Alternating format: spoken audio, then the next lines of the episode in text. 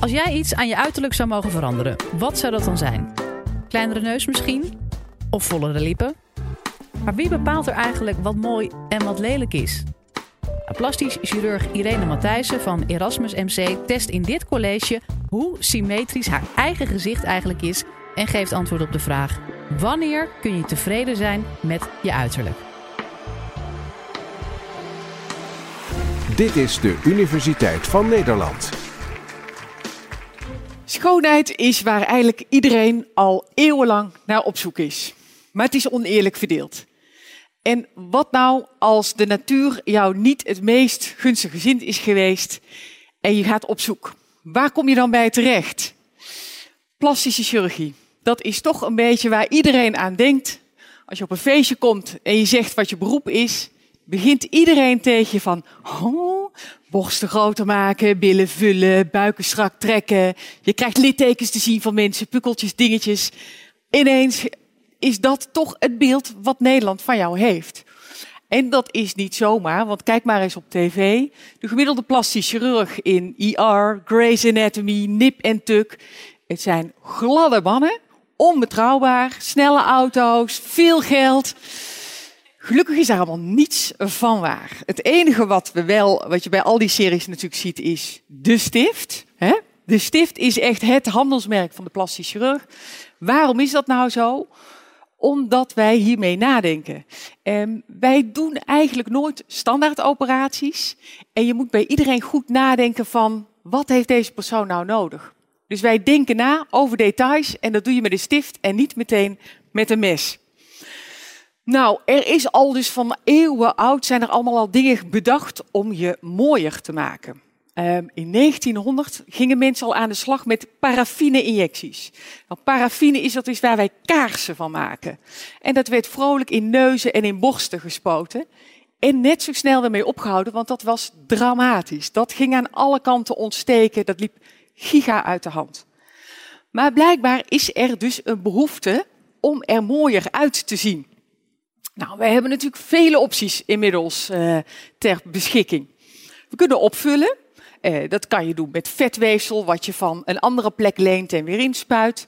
Je hebt allerlei fillers, allerlei dus oplossingjes die uit een potje komen en die overal ingespoten worden om alles wat gaat hangen uh, weer op te vullen. Nou, in het gezicht is dat bijvoorbeeld wangen. Als je ouder wordt, gaat het allemaal zakken. Kan je allemaal weer opspuiten om het mooi bol te maken. Het kan in lippen, waarvan je die bijna Donald Duck-achtige lippen van uh, herkent. Ten koste van functie, want je ziet die lip niet meer normaal kunnen bewegen, maar het kan. We kunnen wegzuigen. Vet wegzuigen is een van de meest uitgevoerde plastische chirurgische operaties. Want iedereen denkt dat is even lekker makkelijk uh, afvallen. Gewoon wat vet laten wegzuigen en klaar is het. Werkt niet zo, maar goed, dat is toch het beeld. We kunnen alles wat gaat hangt, kunnen we weer liften.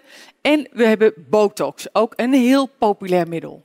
Botox is eigenlijk ook iets heel raars. Dat is een gif wat gemaakt wordt door bacteriën die betrokken zijn bij voedselbederf. En wat doet dat gif? Dat zorgt ervoor dat spieren maandenlang niet meer functioneren. En dat is wat ze dus gebruiken, dat effect.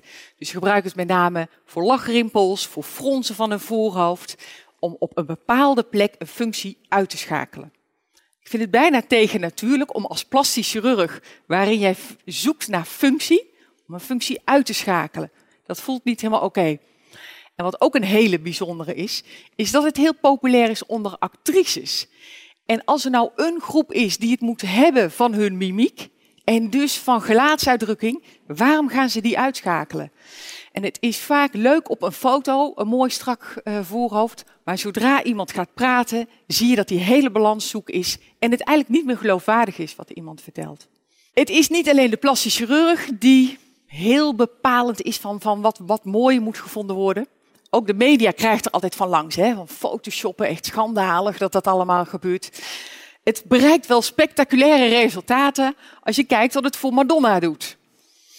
Daar zou menig plastisch chirurg toch trots op zijn als ons dat zou lukken.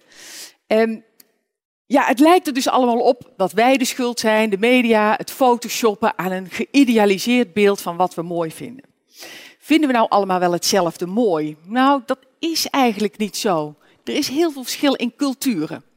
Um, als je bij bepaalde culturen gaat kijken, die vinden het fantastisch om bijvoorbeeld hun onderlip heel lang te maken. Die stoppen er elke keer schijfjes in en nog langer, nog langer, nog langer. Oprekken van nekken is populair, lange oorlellen maken.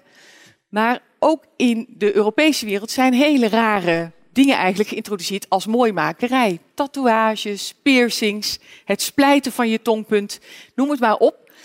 Binnen culturen zijn er heel aparte belevingen van wat we mooi vinden. Nou, maar is het nou zo? Is het nou zo dat um, het moeilijk te definiëren is wat wij mooi vinden met z'n allen? Eigenlijk niet. Er schijnt wel heel veel overlap te zijn. Of je nou in Azië zit, in Afrika, in Europa, Amerika. En het sleutelwoord voor mooi, voor schoonheid, is symmetrie. Hoe symmetrischer jouw gezicht is, hoe mooier we het met z'n allen vinden. En die symmetrie is niet iets wat ons opgelegd is door de media. Want als je wetenschappelijk onderzoek bekijkt naar hoe baby's kijken naar gezichten die boven hun wieg hangen, dan zie je al dat zij langer blijven kijken naar een symmetrisch gezicht. En dus al die schoonheid eigenlijk herkennen. En dat is heel biologisch verklaarbaar, want hoe symmetrischer je bent, hoe sterker je genen. En daar draait het om. Voortplanting, goede voortplanting, een partner zoeken met een mooi symmetrisch gezicht. Dat staat goed veilig voor een uh, sterk nageslacht. De symmetrie is de kern. Nou, hoe helpt ons dat als plastisch chirurg? Moeten we iedereen perfect symmetrisch maken? Er zijn hele leuke websites over te vinden. En dan kan je je eigen gezicht uploaden. Bepaalde punten moet je definiëren en dan krijg je een score. 7,7. Nou, ik zou je adviseren, vooral doen. Is echt heel grappig. Er staat ook een vernietigend rapport bij. Het begint heel positief. Ja, leuk. De stand van je ogen ten opzichte van de neus is bijna perfect. Maar je gezicht is veel te lang in verhouding. En dan word je daarna helemaal afgezadeld wat er niet klopt. Um, ja, dan ga je denken van, moet ik het dan van symmetrie hebben? Nou, ook daar kun je van allerlei leuke websites vinden. Um, asymmetrie is trouwens wel iets wat wij heel veel bij patiënten tegenkomen. Um, ook gewoon bij patiënten die eigenlijk gewoon op straat rondlopen. En dat is het moeilijkste voor ons om er echt uit te halen. Dat, dat is een lastige uitdaging. Maar goed, die patiënt zit dan tegenover je en die heeft een wens. En hoe gaan wij daar nou mee om? Nou, zelfs daar hebben wij ook onderzoek naar gedaan. En dat is door Sarah Versnel gedaan. En die heeft gekeken van wat maakt nou dat iemand tevreden is met zijn uiterlijk. Want gaat het daar eigenlijk niet om? Je moet er tevreden mee zijn. Nou, die heeft drie groepen patiënten genomen.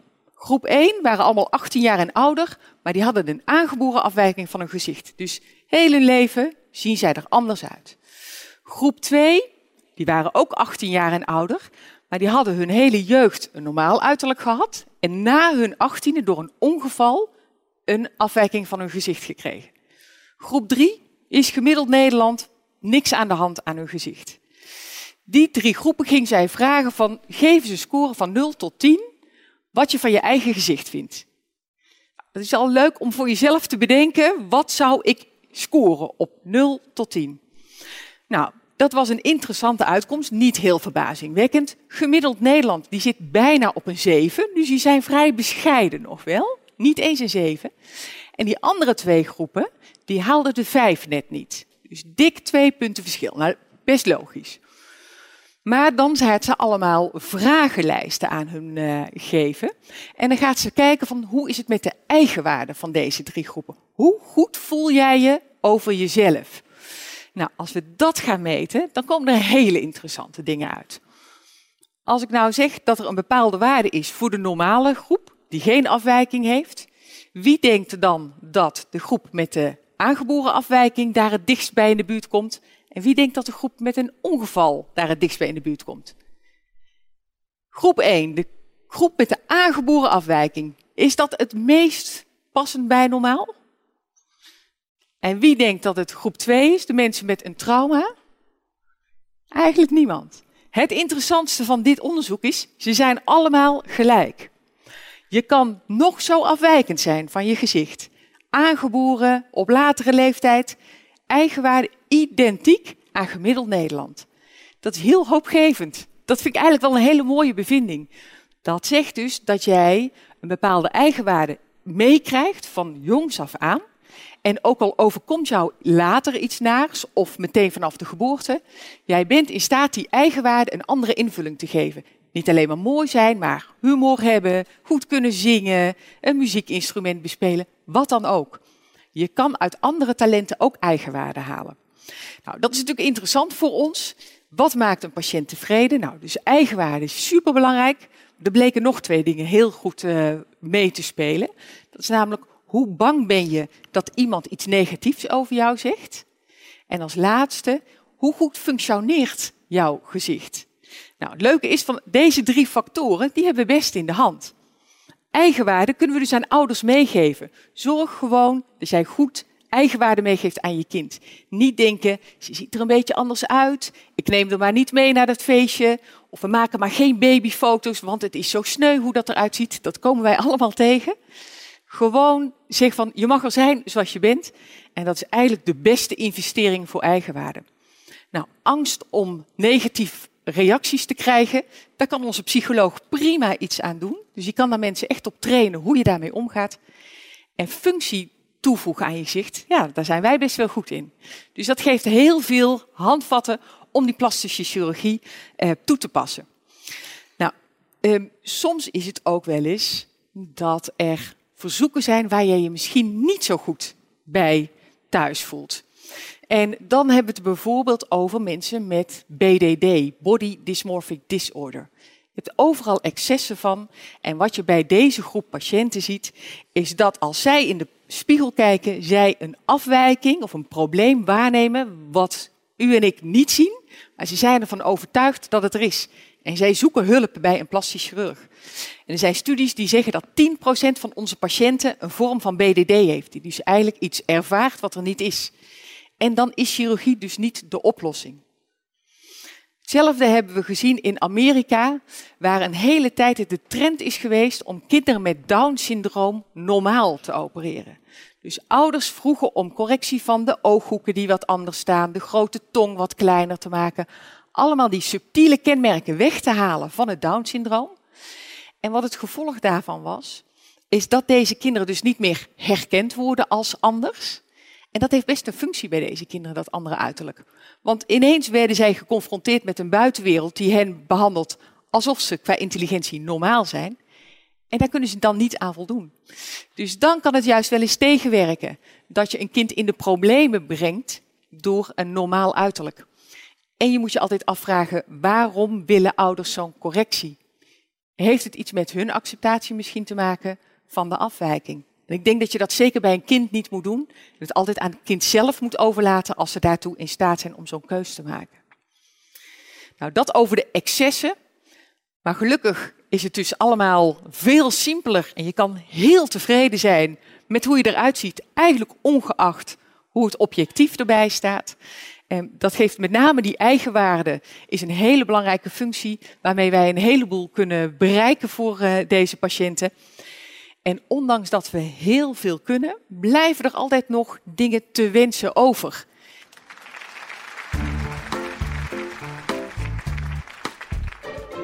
Wil je nou meer afleveringen van de Universiteit van Nederland horen? Check dan de hele playlist en ontdek het antwoord op vele andere vragen.